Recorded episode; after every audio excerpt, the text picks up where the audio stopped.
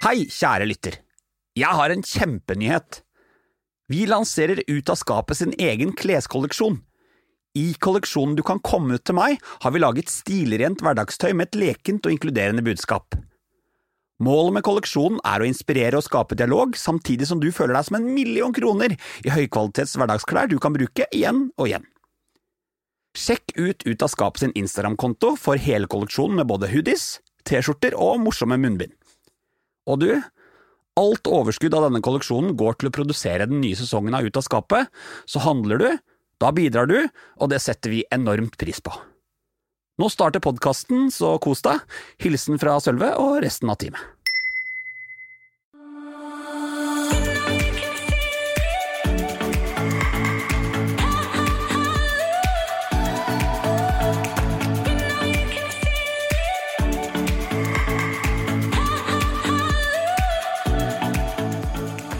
Dag treffer du Jane Bjørnstad i podkasten Ut av skapet. Jeg husker jeg ba til Gud hver eneste dag om å få lov til å liksom være i gruppe med henne da vi skulle ha en gruppeoppgave. Men fordi at jeg, jeg snakka jo egentlig aldri med Hun satt jo helt eh, på andre siden av klasserommet, og eh, jeg satt i den andre enden. Men jeg ba til Gud hver eneste kveld, jeg husker det var sånn flere måneder, om at vær snill, la meg få lov til å komme i gruppe med den jenta. Og hvis jeg får lov til det, så, så lover jeg å være en flink katolsk jente, da. Jane er engasjert, kreativ og ikke redd for å si ifra til folk hun er glad i. I denne episoden snakker vi om selvrasisme, det å forelske seg i alle gode mennesker, og det å leve opp til forventninger. Senk skuldrene og kos deg med en ny episode.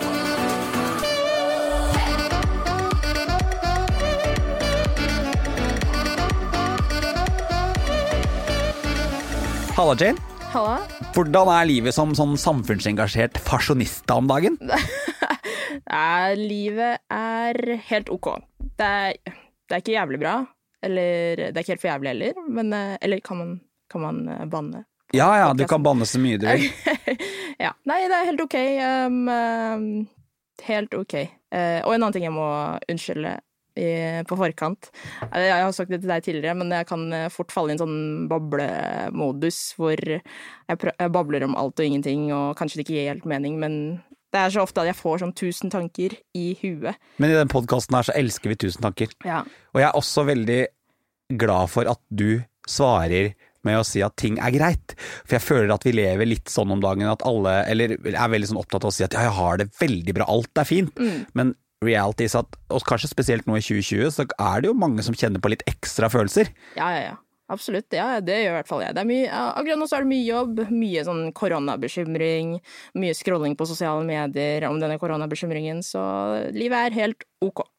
Jeg føler liksom at alt vi har kjent på som handler om livsmestring, har blitt utfordra i 2020. Mm. Det liksom, eh, først så hadde vi liksom eh, klimakrise med skogbranner og alt sånn. Ja. Så kommer eh, pandemi over, all over the world, og ingen skjønner hva som skjer, og alle er livredde. Altså, I was really afraid en periode der. Ja, ja. Jeg trodde jeg skulle dø hver gang jeg gikk på butikken.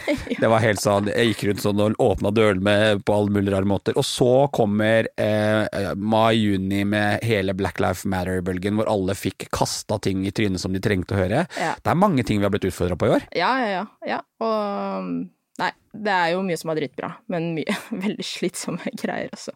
Alt på en gang, men det som jeg også syns er litt greit å si nå, det er at alle de tingene folk kjenner på som stresser de litt nå, og som de kanskje har litt dårlig samvittighet for, det er et resultat av at vi har skyvet ting foran oss veldig lenge. Ja. Ja, det var en periode jeg var uh, jævlig glad for at korona kom, For det var en periode det var litt for mye på en gang. Mye prosjekt på en gang, mye sosiale greier på en gang. Altså bare plutselig kom korona, og alt ble satt på pause. Jeg bare å herregud, takk Gud for at jeg bare kan være hjemme og drikke vin og være sammen med kjæresten min, på en måte. Men eh, kanskje litt sånn egoistisk tankegang, for det var jo veldig mye prosjekt på en gang med, som vi måtte sette pause på, men eh, det var deilig en liten periode. Jeg har vært litt redd for å si det du sier der, men jeg er litt enig. Korona og sykdommen og viruset, den er jeg jo ikke glad for. Nei, nei, nei, Men det det har tilført livet på sikt, dette å bare faktisk få litt bedre tid, Mm. og tid til å tenke, det har jeg satt skikkelig pris på. Ja, ja, helt enig. Du, nå er du i podkasten Ut av skapet, og her kan vi chit-chatte om masse digge ting, og det skal vi gjøre også, men um, først av alt så har jeg lyst til å bli litt bedre kjent med deg. Eh, har du lyst til å bare liksom beskrive til meg hvem du var som liten kid? hvem jeg var som liten kid uh, Jeg var jo kanskje den der stereotypiske guttejenta, hvis man kan kalle det det. Um, Hva legger du i det? Nei, hun som likte å spille fotball, hun som likte å ha på seg um, store baggy bukser, være med gutta på en måte. Uh, kjøre motorsykkel med pappa. Sånne type ting, da. Um, det var kanskje Det er kanskje det som beskriver meg best, da. Hun derre guttejenta i Gåstein, da. Opplevde du at noen hadde syntes det var rart at du var en del av guttegjengen? Ja, ja, ja. ja. Okay, Det, det var jo det, da. Herregud. Hun, altså, når man blir plassert i en sånn kategori at man er en guttejente, så blir man jo automatisk satt i en kategori av i, uh, om at man er skeiv eller lesbe, Ja. da. Det. Man brukte ordet lesbe, homo, bifil. Det var de tre kategoriene, da, for skeive folk tidligere. Så da var jeg liksom lesba, guttejente Om jeg ikke var brun, da, selvfølgelig. Ja. ja, for det her, det er, det er jo Her er det full pakke mye å ta, mener du? Ja, ja, ja. ja. Opplevde du at noen fortalte deg at du var skeiv før du skjønte det sjøl? Ja, det var hele tiden. Det var hele tiden. Um, vers- ja, første gang jeg kan huske, var jo på en måte på barneskolen, da. Da alle var liksom så opptatt av å kategorisere, da. Og liksom, hvis jeg ikke var den feme jenta, så var jeg på en måte lesba, da. Som Jeg visste det jo kanskje på en måte sjøl, men samtidig ikke. Man hadde jo aldri satt ord på det. Men alle andre var liksom så opptatt av disse kategoriene, da. Så ja. Jeg, og voksne, for så vidt, var jo Men- opptatt av det. Det er jo ikke så rart at det, Jeg kommer aldri til å forstå den her, for det er veldig mange skeive har jo opplevd det at de har blitt kalt homo, lesbe, something. Mm. Lenge før de egentlig oppdaga hva det er sjøl. Hvorfor er det sånn at alle de som ikke er i den skeive boksen, har en så klar oppfatning av hva det er, mens vi som er skeive, vi har ikke helt skjønt det ennå? Tror du det har noe med hva vi er lært opp til? Ja, altså Jeg må bare tenke litt. Ja, ja. Ehm, Jeg bare opplever at jeg, synes, jeg, jeg skjønner ikke det, fordi at jeg har jo på samme måte som deg da, opplevd akkurat det samme. Jeg fikk høre homo eh, utallige ganger. Mm. Fordi at jeg hadde en del jentevenner, eller fordi jeg var sånn og sånn, eller gjorde det og det. Eh, men jeg hadde jo aldri liksom sjøl noe sånn klart inntrykk av hva homo var, uten at det, kanskje jeg tenkte det var Det eneste jeg i- vokste opp med da, det var at det var en i Syv søstre som var homofil, den serien Syv søstre. Mm. Og det var jo ikke liksom Han var jo kul og morsom, men det var ikke noen jeg kunne relatere til. nei. Så derfor opplevde jeg liksom det å bli kalt homo som noe negativt, fordi at jeg kjente meg ikke igjen i de homoene som var. Hadde Mm. du noen Kan du kjenne deg igjen i det, liksom? Um, homo og lesbe er jo ord som har blitt brukt som skjellsord opp gjennom årene, også nå. Um, så jeg tror eh, at Og jeg tror vi som eh, mennesker er så opptatt, av å kategorisere folk hele tiden, og, eh, sette, eh, og ha et hierarki, da. Og når man kaller en person homo, eller kategoriserer folk som homo, så er man så eh, Så er man så opptatt av å liksom trykke ned den personen, da. Um, nå, vis- nå, nå babler jeg igjen, Ja, ja, og jeg vet ikke hva jeg skal fram til. Men i hvert fall da, så er jo barneskolen er jo et hierarki, og det er, er et sted hvor man skal kategorisere om man vil tilhøre, så videre og. Og det at du kanskje ikke kjente deg igjen i den ene homofile karakteren du så i Syv søstre. Ja, ja. Um, For det, jeg vet jo at Altså, vi snakker om kategorier og, og, og det, men jeg vet jo at du kategoriserer deg sjøl egentlig ikke. nei, ikke nå lenger. Nei, gjorde du det på et tidspunkt? Ja. Jeg var jo veldig opptatt av å å putte meg selv i en boks. Fordi vi er jo lært opp til å putte oss selv i bokser, ikke sant. Og det er på en måte en trygghet for veldig mange, men samtidig så er det uh, veldig forvirrende for veldig mange, da. Sånn som du selv sier, da, så ble du plassert i den homokategorien, ikke Ja, ja. sant. Men du kjente, deg selv, du kjente deg selv ikke igjen i den kategorien, og da blir man automatisk forvirra, ikke sant. Og da vil man ut av denne boksen. Men Var det trygt for deg, liksom Følte du at det var tryggere for deg å bare si at jeg er hun lesba? Nei, nei fordi det, det var jo en negativ ting da, Ja, ja. på barneskolen og ungdomsskolen, og videregående for så vidt. Så nei, da ville jeg liksom Nei, jeg klarte liksom ikke innrømme for meg sjæl, da, at jeg var skeiv, da. Eller Fordi du flytta til Norge da du var syv, mm, stemmer ikke det? Jo. Fra eh, Fra Filippinene. Aha. Fortell litt eh, om den historien. Da jeg kom til Norge Ja, eller hvorfor og hvordan og hva er bakgrunnen? Ja, nei, mamma jobba jo eh, på hovedflyplassen på Filippinene, og pappa jobba jo på Gardermoen her, så han fløy jo ganske Ja, han var, var jo veldig bereist, da, men ble spesielt glad i Filippinene. Um, så mens han jobbet i SAS, så eide han en bar eller noe sånt på Filippinene. Um, og da han skulle hjem en gang, så traff han mamma i gaten, da. It's a love story. It's a love story. Um, og det som er når man jobber i et flyselskap, så kan, eh, så kan man fly på sånne standby-billetter, men det er ikke alltid man kommer med. Nei. Og den kvelden kom ikke pappa med fordi flyet var fullt. Ja. Og da sa pappa til mamma ja, siden jeg ikke kom med fly, vil du være med på date? og the rest is history. Nei da, men i hvert fall, altså, de data fram og tilbake i to år, og så eventuelt så flytta vi jo til Norge, da. ja. Så du har bodd med begge foreldrene dine i Filippinene? Nei, han jeg kaller pappa, er stefaren min. Aha. Så mm. Så fantastisk. Hvordan var det å flytte til Norge? Altså, kun, du kunne kanskje litt norsk da, eller? Nei, jeg kunne ikke noe norsk. Det, okay. Jeg trodde jeg skulle på ferie sammen med mamma. Så jeg sa jo bare ha det til familien min. For så, ja, ha det bra, vi ses om to uker. Eller noe sånt noe. Men så endte vi opp med å liksom Ja, jeg sitter jo her, da. Du, du, du, dro aldri hjem fra jeg dro- ferie? Nei, jeg dro aldri hjem fra ferie. Husker, var du, altså, begynte du ganske raskt på skole og sånn da, eller når du kom hit? Ganske Jeg husker vi kom i mai-ish, da, Ja, så jeg fikk en liten sånn Sommeren. sommerferie. Og så ble jeg uh, Jeg begynte vel på Ekeberg først, og så, siden jeg ikke kunne norsk, så ble jeg satt i en sånn mottaksklasse på en annen skole. Så ja. Mm.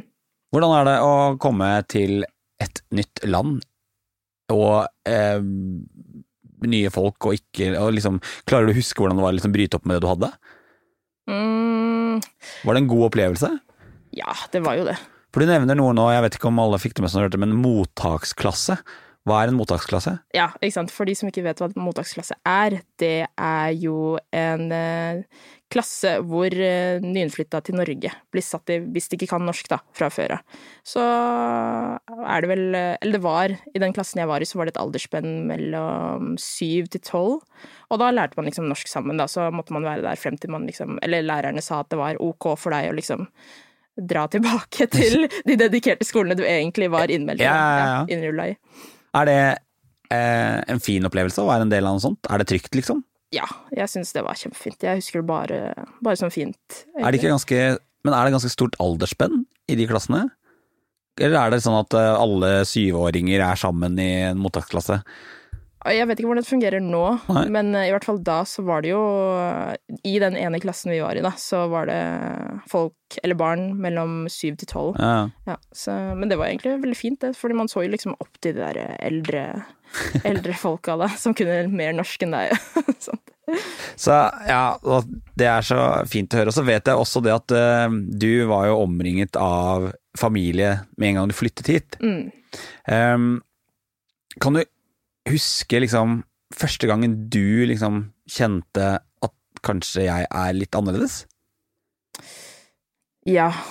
Eller eh, det var det var på en måte ikke med min egen familie, fordi at eh, ja, familie er familie, ikke sant. Bestemor og bestefar er jo Hei, kom hjem til oss, vi skal feite deg opp. du er barnebarnet vårt. Men eh, jeg tror første gang jeg begynte å tenke over at jeg var annerledes i forhold til utseende da, og hudfarve videre, var eh, en av de gangene jeg var på vei til eh, timen i mottaksklassen. da. Ja, ja. Og jeg var jo seint ute. Jeg var jo seint ute i dag, beklager det igjen. Er det litt story of your life? Ja, story of my life, jeg var Ja, ja. seint ute. Men eh, jeg husker jeg gikk liksom fra bussholdeplassen da, og forbi Nei, inn mot uh, lekeplassen, eller skolegården, som det heter. Um, og det var jo ingen barn ute, det var bare én jente som jeg så, som sto under et sånt skur eller tak, eller hva det var for noe. Så går jeg litt sånn forsiktig og uh, uh, Eller rolig forbi, da. Og så hører jeg hun hviske, sånn veldig sånn usikker hvisking, mot meg, og da sier hun 'jævla', og så N-ordet. Oh, ja. Altså, da begynte jeg, jeg visste jo ikke hva det betydde da, men jeg gikk jo hjem og fortalte det til mamma, jeg fortalte det jo til eh, læreren min i mottaksklassen. Og jeg tror ikke jeg tok det så mye til meg da, men når jeg tenker tilbake igjen på det, så var det, så var det jo det som kanskje satte i gang eh, de tankene om at jeg var litt annerledes da, enn de andre som jeg så i skolegården. Men det skjedde med bare dere to der? Ja, ja, ja. ja var, jeg, jeg, skjønte jo at det ikke kom fra hun da, for det kom jo fra foreldrene hennes. Um, hun var jo jeg, Så vidt jeg husker, så tror jeg hun var litt yngre enn meg. Mm. Um, men ja, det var bare oss to, og jeg gikk jo bare forbi. Bare. Ja. Er det første gangen du kjente på at det å være At det å være brun er annerledes? Var, var noe galt? Opplevde du det sånn? Mm, jeg tror ikke jeg kjente det akkurat der og da, men det, ja, jeg tror kanskje jeg begynte å merke fra da av, da, at jeg var annerledes. Men uh, det var jo Uh, spesielt da jeg flytta til Jessheim, da jeg kjente at jeg var, uh, var veldig annerledes, da. I forhold til utseendet. Um, Hvordan type ting da? Nei, altså, da jeg gikk på Ekeberg barneskole, så var det jo et bredt mangfold, ikke sant. Man ja. så jo pakistanere, somaliere, filippinere og amerikanere. Mens på Jessheim så var det liksom bare jeg og ei annen, da. Ja. Som var litt mørkere i huden enn nestemann. Ja. Så det var kanskje da det jeg kjente det Begynte å kjenne på det virkelig, da. Men kjenne på det, opplevde du da noen form for mobbing, eller? Ja, det var mye mobbing. Det var mye sånn derre apelyder fra gutter, det var mye sånn derre ja, N-ord. Ja, ja. Og det er jo litt komisk, da, fordi at eh, hvis de skulle brukt et skjellsord, så kunne de jo kanskje valgt noe annet. Noe mer asiatisk retta, kanskje. men, eh, men, ja, det var mye mobbing, eh, spesielt på barneskolen. Hvordan copa du med det? Eller copa du med det? Jeg spilte mye fotball, da, og copa med det Jeg copa ikke så mye med det akkurat da, men uh, man lærer seg sånne type forsvarsmekanismer, da, når man begynner å bli litt eldre. Sånn 14-15-ish, da begynte jeg å bli veldig sånn selvrasistisk og så videre, og cracke noen jokes. Det er alltid kult å være hun morsomme som klarer å, å, være morsom. På egen på, bekostning? På egen bekostning, ja. Mm. Er det Ja, for du sier det der, og du sier egentlig det jeg lurte på, men det er en forsvarsmekanisme? Ja, ja, ja. Absolutt. Det er jo lettere Eller det er jo Det er litt lettere å være i forkant, da. Det er litt lettere å liksom at uh, fornærmelsen eller diskrimineringen eller what, whatnot kommer fra deg sjøl først, for da, du vet hva som kommer, uh, fremfor at det kommer fra en annen gutt, da, for eksempel. Men altså, det blir sånn altså internalisert rasisme ja, ja, Hvordan, ja, Hva gjør det med deg? Merket du at eksempel hvis du kunne crack a joke på mm. din egen bekostning, at det var litt vondt? Det var litt vondt, men samtidig så ga det, eh, så ga det deg liksom en type aksept, da. Ja. Du fikk liksom en sånn derre aksept i gruppa, da, fordi du var liksom den kule som kunne tulle om at eh, ja, at jeg var au pair, eller at jeg så ut som en ape sjøl, eller whatever. Det var jo veldig vondt, da, fordi at jeg klarte ikke å uttrykke hva jeg følte da.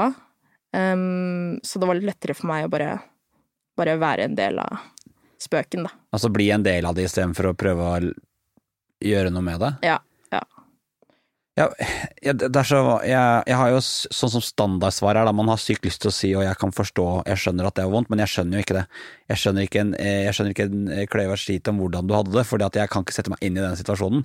Men eh, er det sånn at er vi sånn basic white cis-nordmenn, eh, er vi rasister?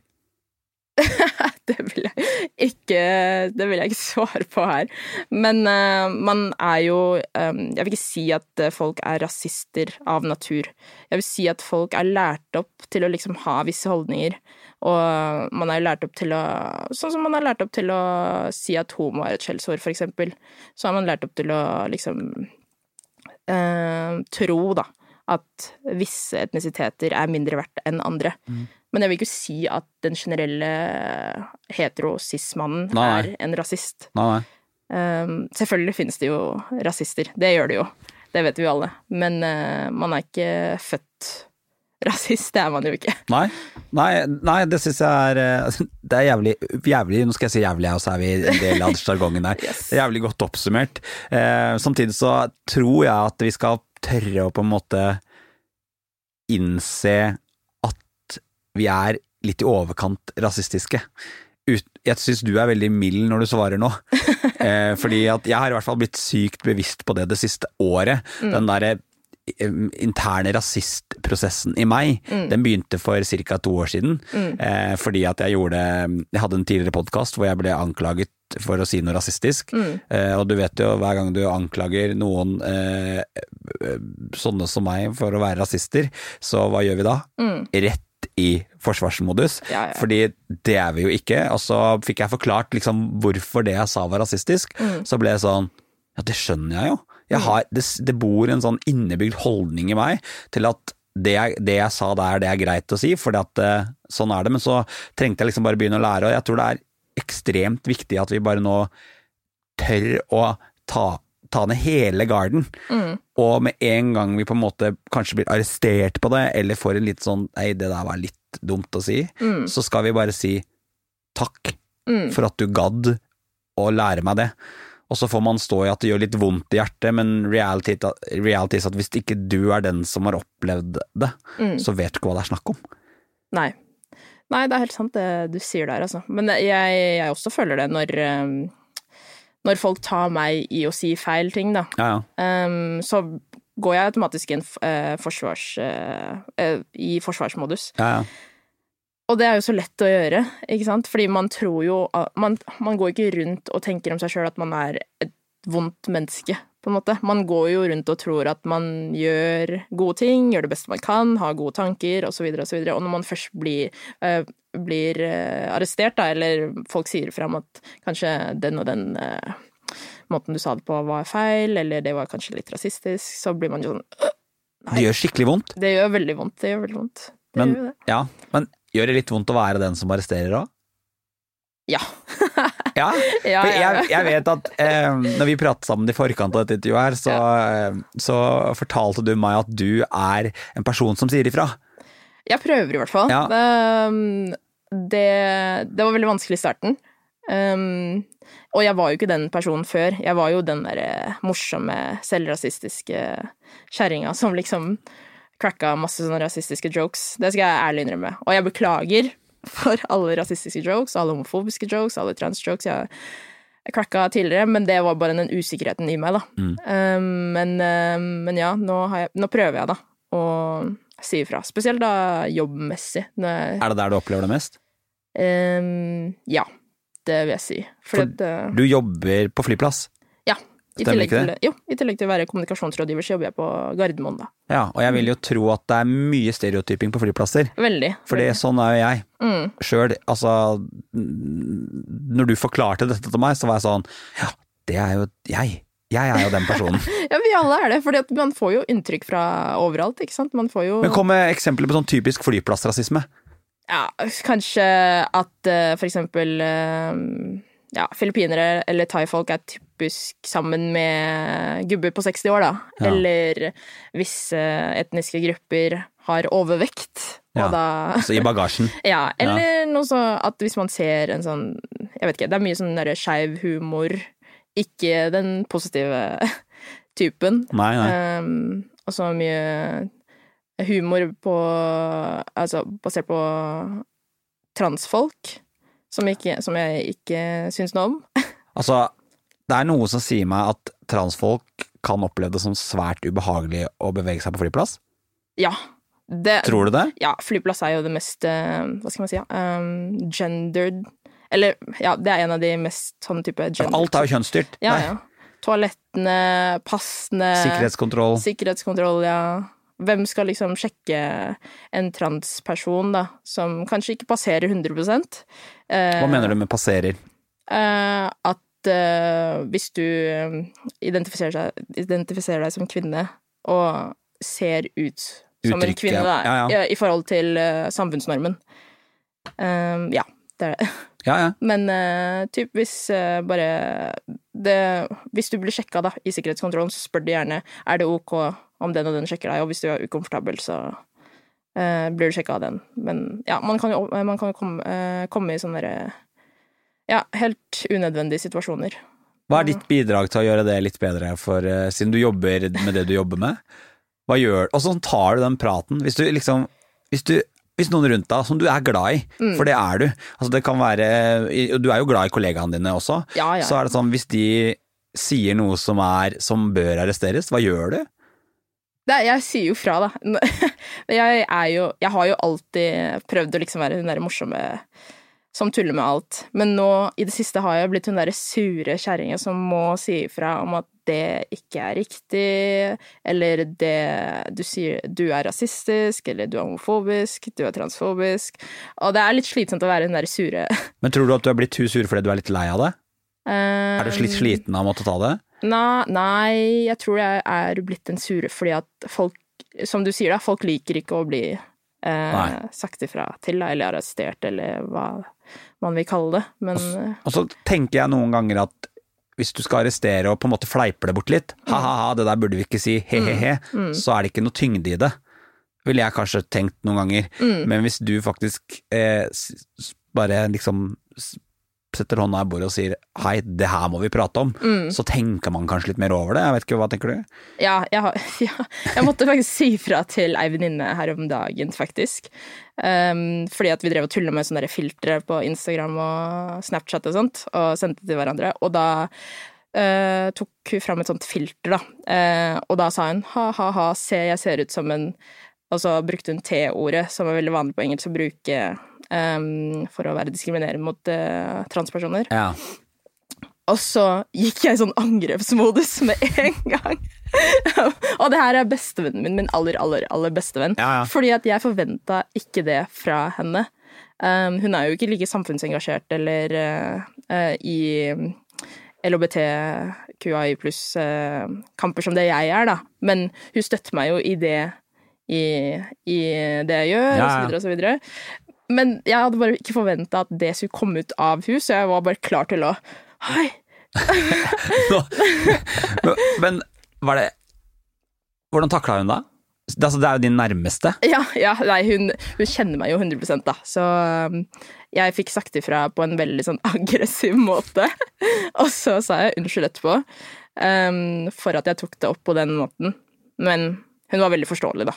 Og, så, og så sa hun ja, takk for at du sa ifra deg, jeg skal ikke bruke det ordet mer, og så videre og så Men føler du ikke at uh, i sånn, der, ikke sant, der hadde dere mest sannsynlig hausa hverandre opp litt. Grann. Mm. Det var litt sånn, det var eh, Hvordan skal jeg si det her? Nå holdt jeg på å si gutteåstemning, men det er jo sånn man kan hause seg opp litt på. Ja. Jeg tror det er lett å bli litt i overkant avslappa til ord, uttrykk, rasisme, diskriminering og alt den driten som fins når man er litt høyt oppe og nikker. At man da liksom tenker at nå er det greit, for nå er det så god stemning, så nå kan jeg bare si det.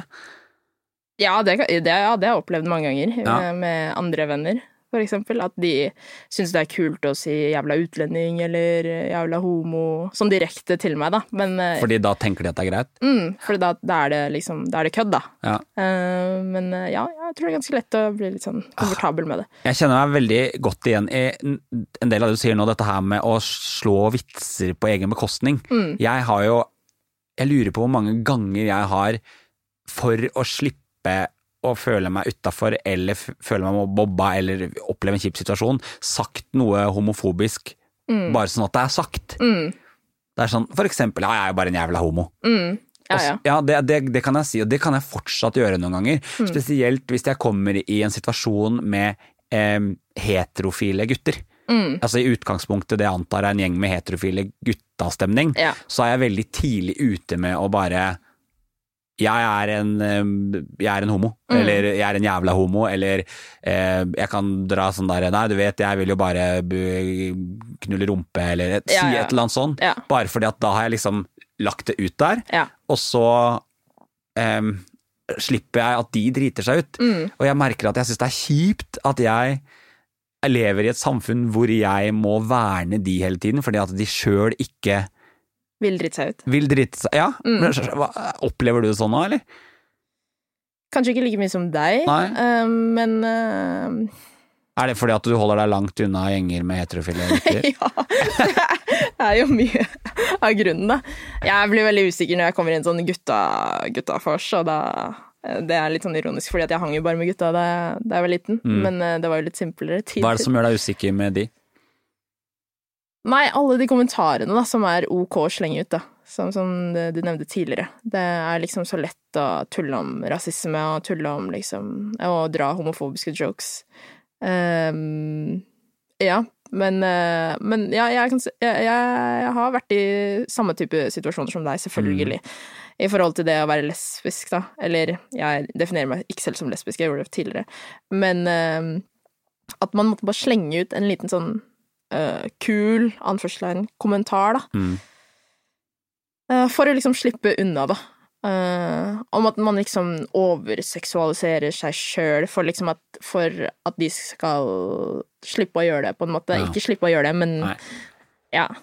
Ikke helt hva jeg skal få Nei, jeg syns det er godt sagt. Jeg kan for eksempel noen ganger ta meg sjøl i å bli litt mer Altså Det høres litt rart ut, for mange vil nok tro at mange homofile, liksom hvis du går inn i en guttegjeng med eh, heterogutter, at de kan bli litt eh, eh Skal prøve å være litt mer typisk maskuline og mm. macho. Mm. Jeg kan ta meg sjøl og bli nesten litt motsatt.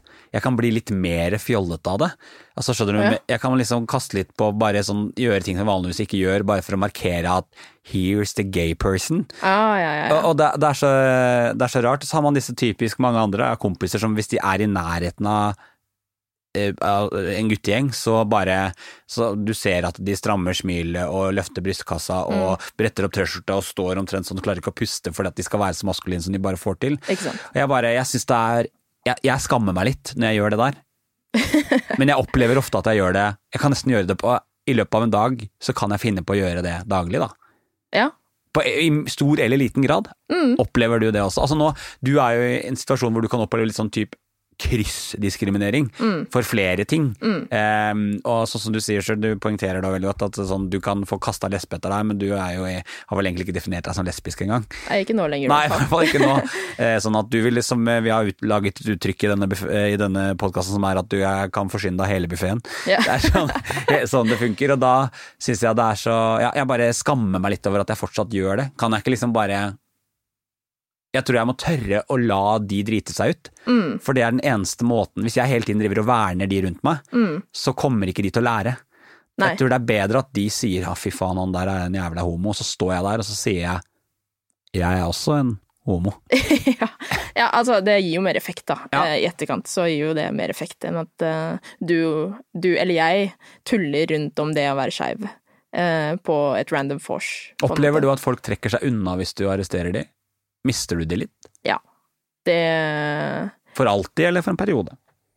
Nei, altså i forhold til venner så mister jeg jo dem ikke, men sånn type ikke så nære relasjoner, så kan det jo gå en liten stund før de tør å prate med meg igjen, da. For å si det sånn. Um...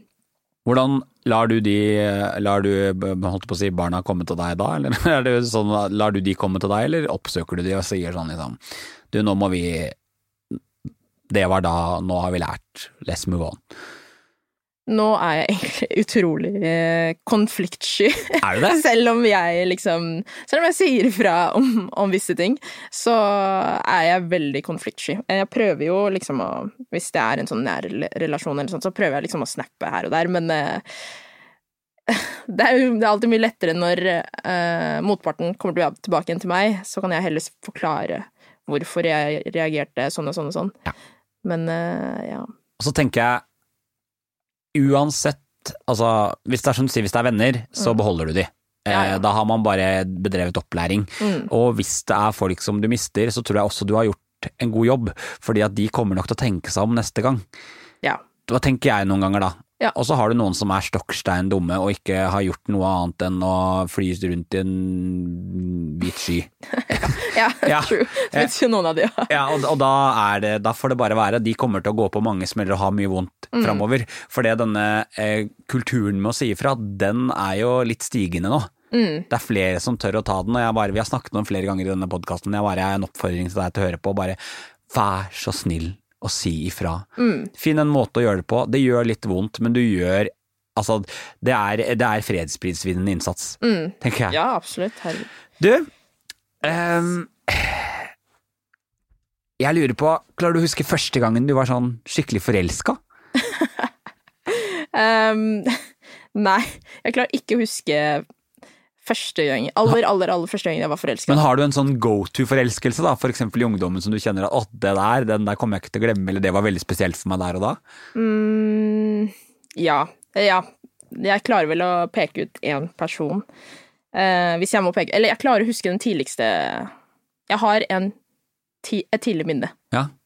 Kanskje ikke så tidlig, da. Ungdomsskolen. Ja, ja, det er Ish. Ja, ja, jeg husker at jeg var veldig forelsket hele tiden da, på barneskolen og ungdomsskolen osv. Oh ja, er du, blir du lett forelska? Ja, jeg blir veldig fort forelska eller betatt. Ja. Jeg klarer ikke å merke forskjell, mer, uh, merker jeg, men, uh, men ja, jeg blir veldig fort forelska eller betatt. Men er, det, er ikke det en god egenskap? Kanskje, men det er litt slitsomt også, da, når du går og forelsker deg til uh, i en Ja, i hver og en, på en måte, som er et godt menneske, da. Eller så Eller det er egentlig veldig slitsomt, fordi at jeg blir jo veldig fort avstandsforelska. Ja, akkurat nå så er jeg veldig forelska i alle Spice Girls, for eksempel. I Ariane Grande, Doja Cat og øh, ja, et par influensere i Norge. Og det er, liksom, det er utrolig slitsomt, fordi man vet at man ikke kan få en eller annen form for relasjon, da. Men hva er det som fascinerer deg? For nå eh, føler jeg jo litt at du er oppe og nikker på noen celebrity crushes. Ja, men det er liksom Jeg vet ikke. Jeg blir, jeg blir så heartbroken når jeg tenker på det, da. Akkurat som jeg blir heartbroken når noen slår opp med meg, eksempel. Men eh, ja, det kan jo hende det er celebrity crushes, men jeg føler liksom at det Jeg klarer ikke å skille det mellom det og vanlig forelskelse. Hvem var denne her go to-forelskelsen? Uh, ja. Det, det var uh, ei jente på ungdomsskolen. Veldig søt, blond. Satt alltid liksom ved vinduet i klasserommet. Og jeg husker jeg alltid stirra litt ekstra lenge hvis hun så ut av vinduet, da, for jeg syntes hun var så pen. Um, ja. Ja. Det var vel hun, da. Hva var det med hun som var Var det noen andre ting, liksom? Hadde dere noen relasjon? Var dere venner, eller? Nei, vi var ikke venner. vi var ikke venner. En litt sånn lættis historie da var um, Jeg vet ikke om det er så morsomt, men i hvert fall, da, det, jeg husker at jeg var jo veldig katolsk eh, den perioden, eller under oppveksten. Jeg var eh, oppdratt katolsk. Ja, ja. Jeg husker jeg ba til Gud hver eneste dag om å få lov til å liksom være i gruppe med henne da vi skulle ha en gruppeoppgave. Men fordi at jeg, jeg snakka jo egentlig aldri med Hun satt jo helt eh, på andre siden av klasserommet, og jeg satt i den andre enden. Men jeg ba til Gud hver eneste kveld, jeg husker det var liksom flere måneder, om at vær snill, la meg få lov til å komme i gruppe med, med den jenta. Og hvis jeg får lov til det, så, så lover jeg å være en flink katolsk jente, da. og jeg ba til Gud i kirka, jeg ba til Gud før jeg la meg. Og så en dag da, så skjedde det plutselig noe greier om at alle andre, bortsett fra oss, trodde jeg, em, eh, hadde en sånn gruppe, en partner, da. Og så turte jeg ikke gå bort, liksom. Jeg turte ikke gå bort med en gang. Em, for jeg tenkte nei, jeg tør ikke Fordi når man er forelska, så setter man jo personen i et sånn høyt pedestal, ikke sant. Ja, ja. Man ser jo nesten opp til de. Som om de ikke finnes. Ja, det er jo det, er det høyeste høye. Ja, ja, Ja. Og så turte jeg ikke gå bort, og så idet jeg reiser meg opp fra stolen, da, så går Kåre bort til hun jenta, for jeg trodde at, at Ja, han gikk bort til hun og spurte om de kunne være på gruppe sammen, da. Så jeg bare ah, fader, ass. Så Kåre, hvis du hører på det her, jeg holder en grudge Jeg kommer aldri til å gi Nei, aldri, aldri, aldri. Ah, jeg syns det var en veldig deilig historie. Jeg tror det er så mange som kan kjenne seg igjen i den der ungdomsskoleforelskelsen. Ah, Og jeg har så alltid fascinert meg sånn hvordan man på ungdomsskolen spesielt kunne være del av et fellesskap som klassen er, men allikevel ikke ha noe forhold til de andre i fellesskapet ditt. Du hadde jo personer som du bare aldri snakket med eller aldri kunne ha en relasjon til, eller som var de kule, eller som var de rare, eller som Egentlig så var man jo en stor vennegjeng, men Ja. man bare forholdt seg ikke til hverandre. Og man hadde, ja, man hadde jo sånne i klassen man bare forguda. Ja, ja, ja. ja. Enten det største idrettstalentet, eller den peneste dama, eller Ja. eh, den smarteste, eller Det er så rart liksom hvordan vi er sammen, men ikke sammen. Mm. Ja, jeg syns, jeg syns det der er sykt fascinerende. det var første gangen du fortalte til noen at du var skeiv? Det var jo også da jeg var forelska en gang, da. Men denne gangen så var det ikke sånn avstandsforelska. Det var jo på Vi hadde jo nussa og klina litt på Ja, det var noen sånne derre bygdefester, da. um, og så husker jeg at jeg bare måtte si det noen, jeg klarte ikke å holde det inne lenger. Så jeg sa det til bestevenninna mi da. Um, jeg var litt småbrisen, hadde kommet hjem fra fest. Jeg tror ikke hun var, eh, jeg tror ikke hun var full eller bristen på noen måte, men hun var pålogga på MSN, da, i hvert fall. Ah, Jeg hadde logget meg på MSN midt på natta på den der tunge laptopen min, og så um, husker jeg bare ah, hun er pålogga, det er sånn grønt ikon. This is my shot. ja. Og så sa jeg hei, og så sa hun hei, hvordan var festen, eller et eller annet sånt smalltalk. Um, du, jeg må si deg noe. Og så sa hun ehm, ok altså, Og så hun Og så fulgte hun opp med et spørsmål. Sånn Er du forelsket i A? Spørsmålstegn. Og hun skrev bare A. Um, fordi når jeg er forelsket, så snakker jeg og babler jeg om den ene personen jeg er forelsket i, og det er liksom ikke noe tvil, da. Men jeg visste jo Altså, jeg ville jo ikke si det om for meg sjøl, men uh, da klarte jeg liksom å si uh, ja, prikk, prikk, prikk. Og så responderte hun med 'jeg visste det'! og jeg tror ikke det var det at hun visste at jeg var skeiv, for alle, alle visste det jo før meg, men at hun visste at jeg var forelska i denne jenta, da. Så mm, det var det var den første personen jeg sa det til. Var det litt godt, eller var det sykt rart? Det var rart og godt. Det er jo deilig å si det, da. Herregud. Det er jo deilig å fortelle folk man er forelska. Syns jeg, da. Ja, ja. ja, ja. Og altså, når man er forelska, så blir man jo litt sånn vågal og rar. Ja, herregud. Man slutter jo å bry seg om ting. Å, gud, ja. Altså, Man forholder seg jo ikke til disse litt sånn kjedelige tingene, begrensningene som finnes i livet. Nei. De forsvinner jo når man er forelska. Ja. Man gjør mye rart. Ja. Er du en sånn person som gjør mye rart når du er forelska? Ja, absolutt. Herregud. Jeg... Caroline, hun jeg er sammen med nå, hun, det var jo et lite langdistanseforhold uh, i starten. Og jeg studerte et halvt år i USA, og hun hadde bursdag i april. da. Og da kom jeg hjem i sånn der, eh, jeg lurer på om det var sånn 38 timer her for å overraske henne. Så jeg, man gjør jo mye rart, da. Bare for å være, her i, 30, eh, bare for å være i Norge i 38 timer. Ja, ja. Fordi man er dødsforelska, ikke sant. Og skal overraske den man er forelska i. Og så fly hjem igjen, da, til USA. Men ja. Var det sånn at eh, etter at du hadde fortalt om venninna di, så gikk liksom snakket litt, da, eller? Uh... Eller var det sånn at du tenker at folk bare visste det? Nei, jeg tror egentlig folk bare visste det. Alle visste det jo før meg. Det var ingen som måtte sette seg ned og lene seg tilbake i vennegjengen din når dette kom ut? Og bare Nei. wow, I'm in shock! Nei, det var jo ikke det, fordi jeg var jo hun maskuline uh, jenta på, uh, på skolen. Og det var jo liksom Hver eneste fest så ble det tatt opp da ja, Jane og Løsbø, Jane og Løsbø. Og så husker jeg eh, spesifikt en person som drev og rappa, freestyla og tulla. Og så husker jeg fortsatt den ene siste, eh, den siste setningen hun sa da, som hun avslutta med, og da skal man liksom avslutte med et bang, da. Så var det liksom ja, Alle vet at Jane og Løsbø Bortsett fra Jane sjøl, da. Bortsett fra Jane. Så det er en løgn. Alle vet ikke det. Jane Nei, vet ikke. Nei, ja. Du fortalte i stad at du er eh, vokst opp eh, og oppdratt i et katolsk hjem. Stemmer det? Ja.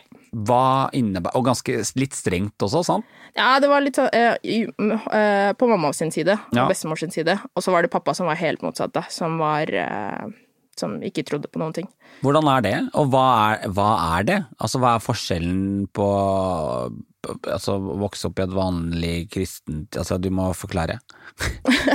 er det no, altså, merke, hva, hadde du noen form for restriksjoner eller ting du måtte forholde deg til, eller møte opp eller gjøre, for eksempel? Nei, før, eh, før konfirmasjonen min så måtte jeg jo dra i kirken hver søndag, da. Oh, ja. Ja. Så det var messe hver søndag, og med mamma, da. Um, det var liksom den Det var kanskje det jeg måtte, som jeg måtte, da. Eh, og så var det jo de tingene som at jeg ba til Gud før jeg la meg, da jeg sto opp, videre. Men det var liksom, det var liksom eh, Mamma sa at det var et valg etter eh, konfirmasjon, så da dabba det litt sånn eh, av, da. Med det å be til Gud, videre. Ja. Vi hadde ikke noen spesielle regler på hvordan jeg måtte være, eller hva det nå enn var, da, men jeg tror kanskje det var mye forventninger, da. Tror jeg.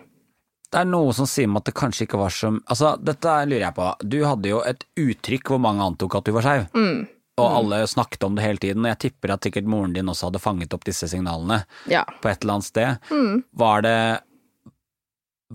Gruet du deg til å droppe den nyheten sånn ordentlig?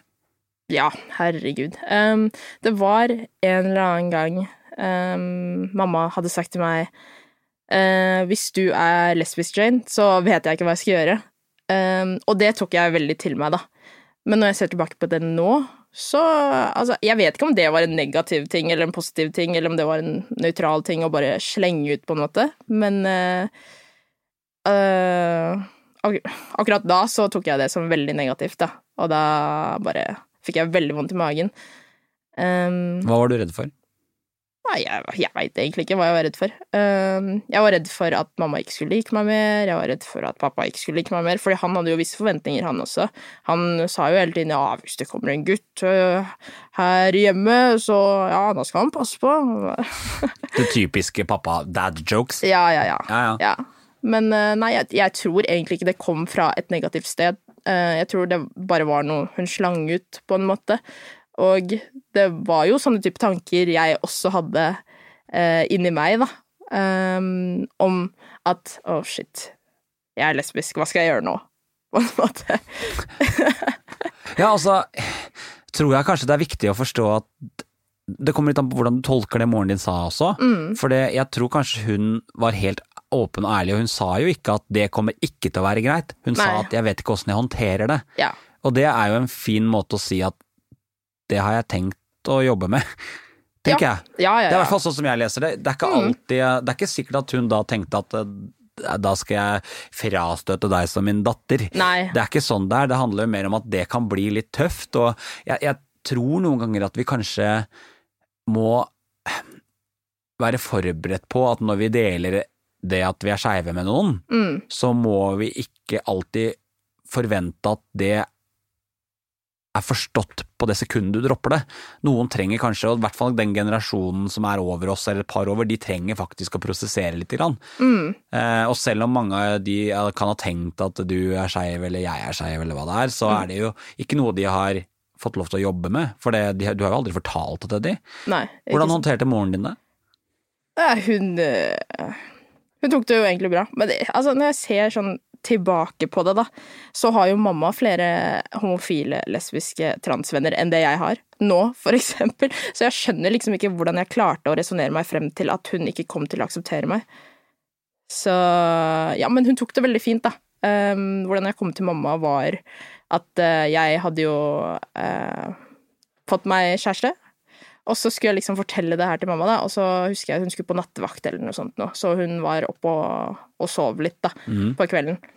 Så hadde eh, gått opp og ned trappa, opp og ned, opp og ned, og sammen med bestevenninna mi som liksom dytta meg opp, og så kom jeg ned igjen, så dytta meg opp igjen. Og så husker jeg at jeg la meg i senga sammen med mamma, og så sa jeg eh, mamma, ikke bli sur. og så sa hun hva er det nå, da? Hva er det du har gjort? Og så, og så sa jeg lov meg å ikke bli sur. Og så sa hun har du knust din nye tallerken jeg fikk til jul? sa hun. og så sa jeg nei, jeg er uh, Vi snakker engelsk hjemme, så jeg sa I'm gay. Um, og da sa hun herregud, pappa og jeg visste det for lenge siden, så du, hva er greia? Har du knust tallerkenene mine sånn seriøst? spurte hun. og det var det. Var det en fin respons for deg? Ja, det var jo det. Fordi du følte at ok, dette er liksom greit? Ja, det var ikke noe big deal, så ja. Hvordan var det å ta med seg kjæreste hjem første gangen? Åh, gud. det Eller første kjæreste um, Sånn ordentlig, litt sånn seriøse, liksom? Åh, gud, nei. Pappa er jo en sånn type som spør veldig mye, da, så det var jo utspørring. Uh, av det jeg klarer å huske. For jeg klarer jo ikke å huske ting som er litt sånn halvveis eh, skummelt. Uh, slash traumatiserende. Det var ikke traumatiserende sånn sett, men uh, Men også traumatiserende. ja, ja. Nei, det var som en kjæreste. Hun hadde jo vært hjemme hos meg veldig mange ganger, men vi hadde jo sagt at vi var venner. Men nei, første gangen, det var, det var veldig skummelt. Det var jo det. Husker du hvordan foreldrene responderte på det? Du fortalte meg at uh, pappa hadde litt sånn utfordringer med litt sånn lovey-dovey, var et uttrykk du brukte. Var du veldig, var du veldig kjæreste? Ja, jeg var jo Hvor gammel var jeg? 18-19 ja. da jeg fikk min første kjæreste, og da er man jo sånn derre uh, Fysisk? Puppy love. Ja, ja. Og da er man litt sånn overalt og Ikke kliner foran pappa, på en måte, men sånn holde hender og, og sånt, da. Og da syntes han det var litt rart, da. Men det tror jeg kanskje han hadde synes med en gutt også, mm. for så vidt. Men uh, da sa han liksom ifra. Ja, Jane, ja, vær litt ordentlig nå. Kjente du på det, eller var du sånn at det er greit, det forstår jeg, liksom? Ja, Jeg Jeg tror jeg bare sa ok, greit, på en måte. Men uh, jeg kjente vel kanskje litt på det. Tror du, tror du noen ganger at vi må velge hvilke kamper vi tar? Ja. Sånn som den situasjonen der, da, så tenker i hvert fall jeg fra mitt ståsted at ok, denne kjenner jeg litt på, Mm, men dette er ikke den kampen jeg skal ta. nei. Hva tenker du om det? Ja, og jeg hadde nok heller ikke tatt visse kamp, eller alle de kampene jeg tar nå, da, um, på den tiden der, da, da jeg var ung og uviten og hadde veldig mangel på kunnskap. Jeg syns Jeg har opplevd en del i det skeive miljøet at vi er litt vi som er litt eldre og har levd litt lenger, Mm. er litt fæle til å rakke ned på de unge skeive og si at de ikke tar nok kamper, de styrker nok opp for seg sjøl. Jeg, ser, eh, jeg ser at vi, de kan få en del hat for at de ikke bruker stemmen sin, Mm. men så er jeg litt sånn skal ikke de få lov til å fokusere på å finne ut av hvem de er først, før de skal lære alle andre hvem de er? Mm. eller hvordan de skal håndtere det. Jeg bare syns vi kan være litt lite rause med akkurat de som er i den derre skifte tenåring, ung voksen-perioden. Har man et ansvar hvis man er skeiv og influenser, for eksempel? Jeg tror ja, Altså, jeg tenker jo at alle har et ansvar. Mm. Um, men eh, det er jo utrolig vanskelig å bruke stemmen sin, og å bruke stemmen sin riktig, i hvert fall nå.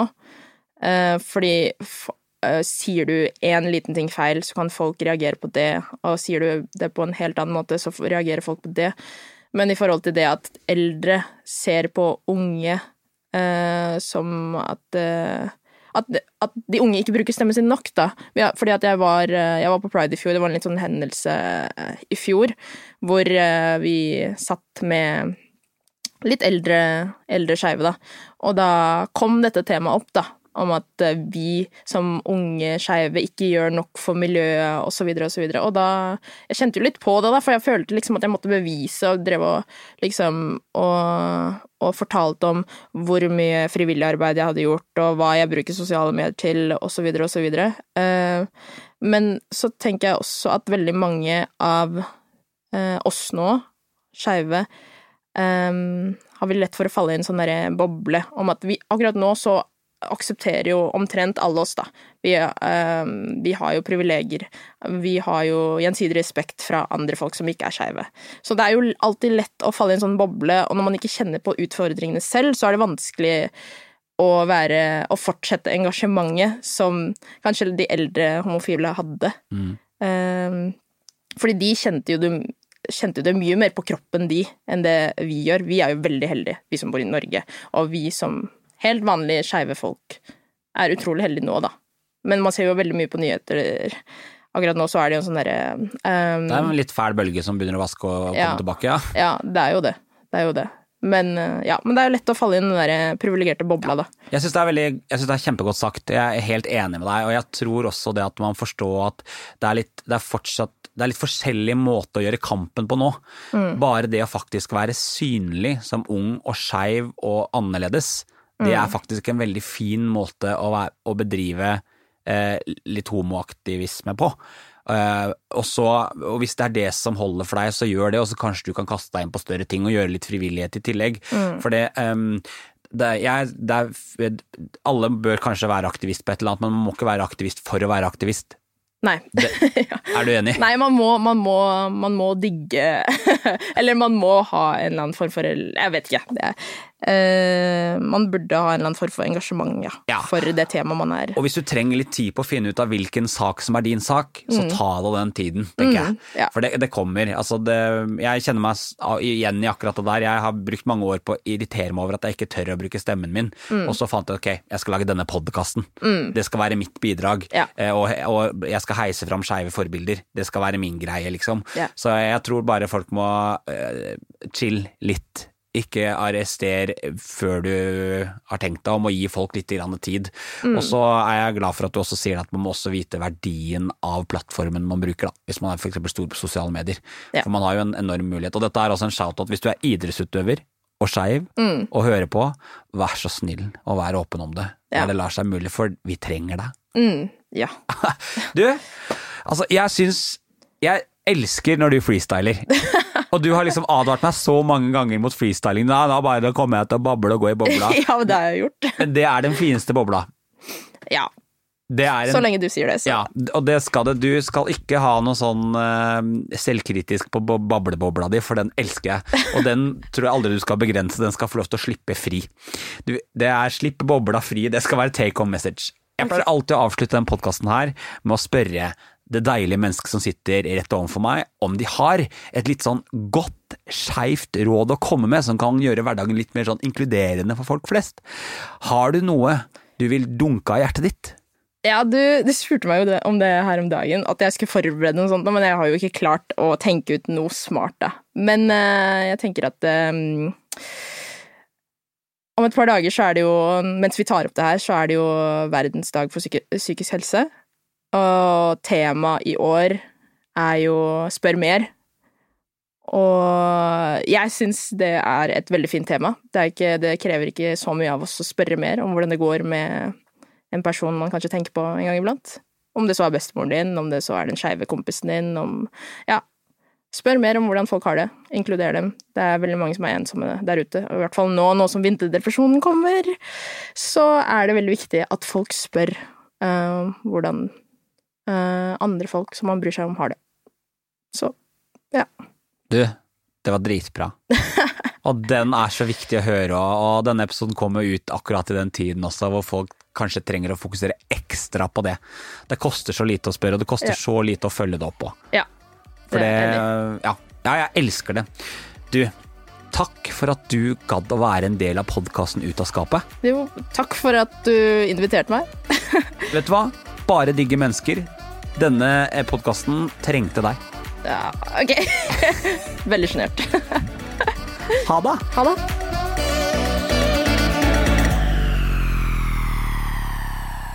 Hei, kjære lytter. Da er vi godt inne i den andre sesongen av Ut av skapet, og for en sesong det er. Dette halvåret har mange nye lyttere funnet veien til oss, og sammen med den fantastiske gjengen som har fulgt oss en stund, har podkasten vokst seg enda større. Det gir masse energi inn i arbeidet vi gjør på ukentlig basis, så takk for at du lytter, heier og løfter fram både gjestene og oss. Nå tar vi oss en liten juleferie, men Ut av skapet er tilbake i januar med nye spennende gjester. Kos deg i tiden som kommer, og bruk den med mennesker som gir deg overskudd. Vi høres i 2021. Hilsen fra meg og teamet i Ut av skapet. Kiwi er billigst i VGs matbørs og har vært billigst i fire av de fem siste VGs matbørser. Og nå presser vi prisene på frukt og grønnsaker. På 200 gram broccolini setter vi prisen til 24,90. På 400 gram Cevita blåbær setter vi prisen til 49,90. Og husk, alle Kiwi Pluss-kunder får i tillegg 15% trumfbonus på all fersk frukt og grønt. For det er vi som er prispresserne. Og vi i Kiwi gir oss aldri på pris.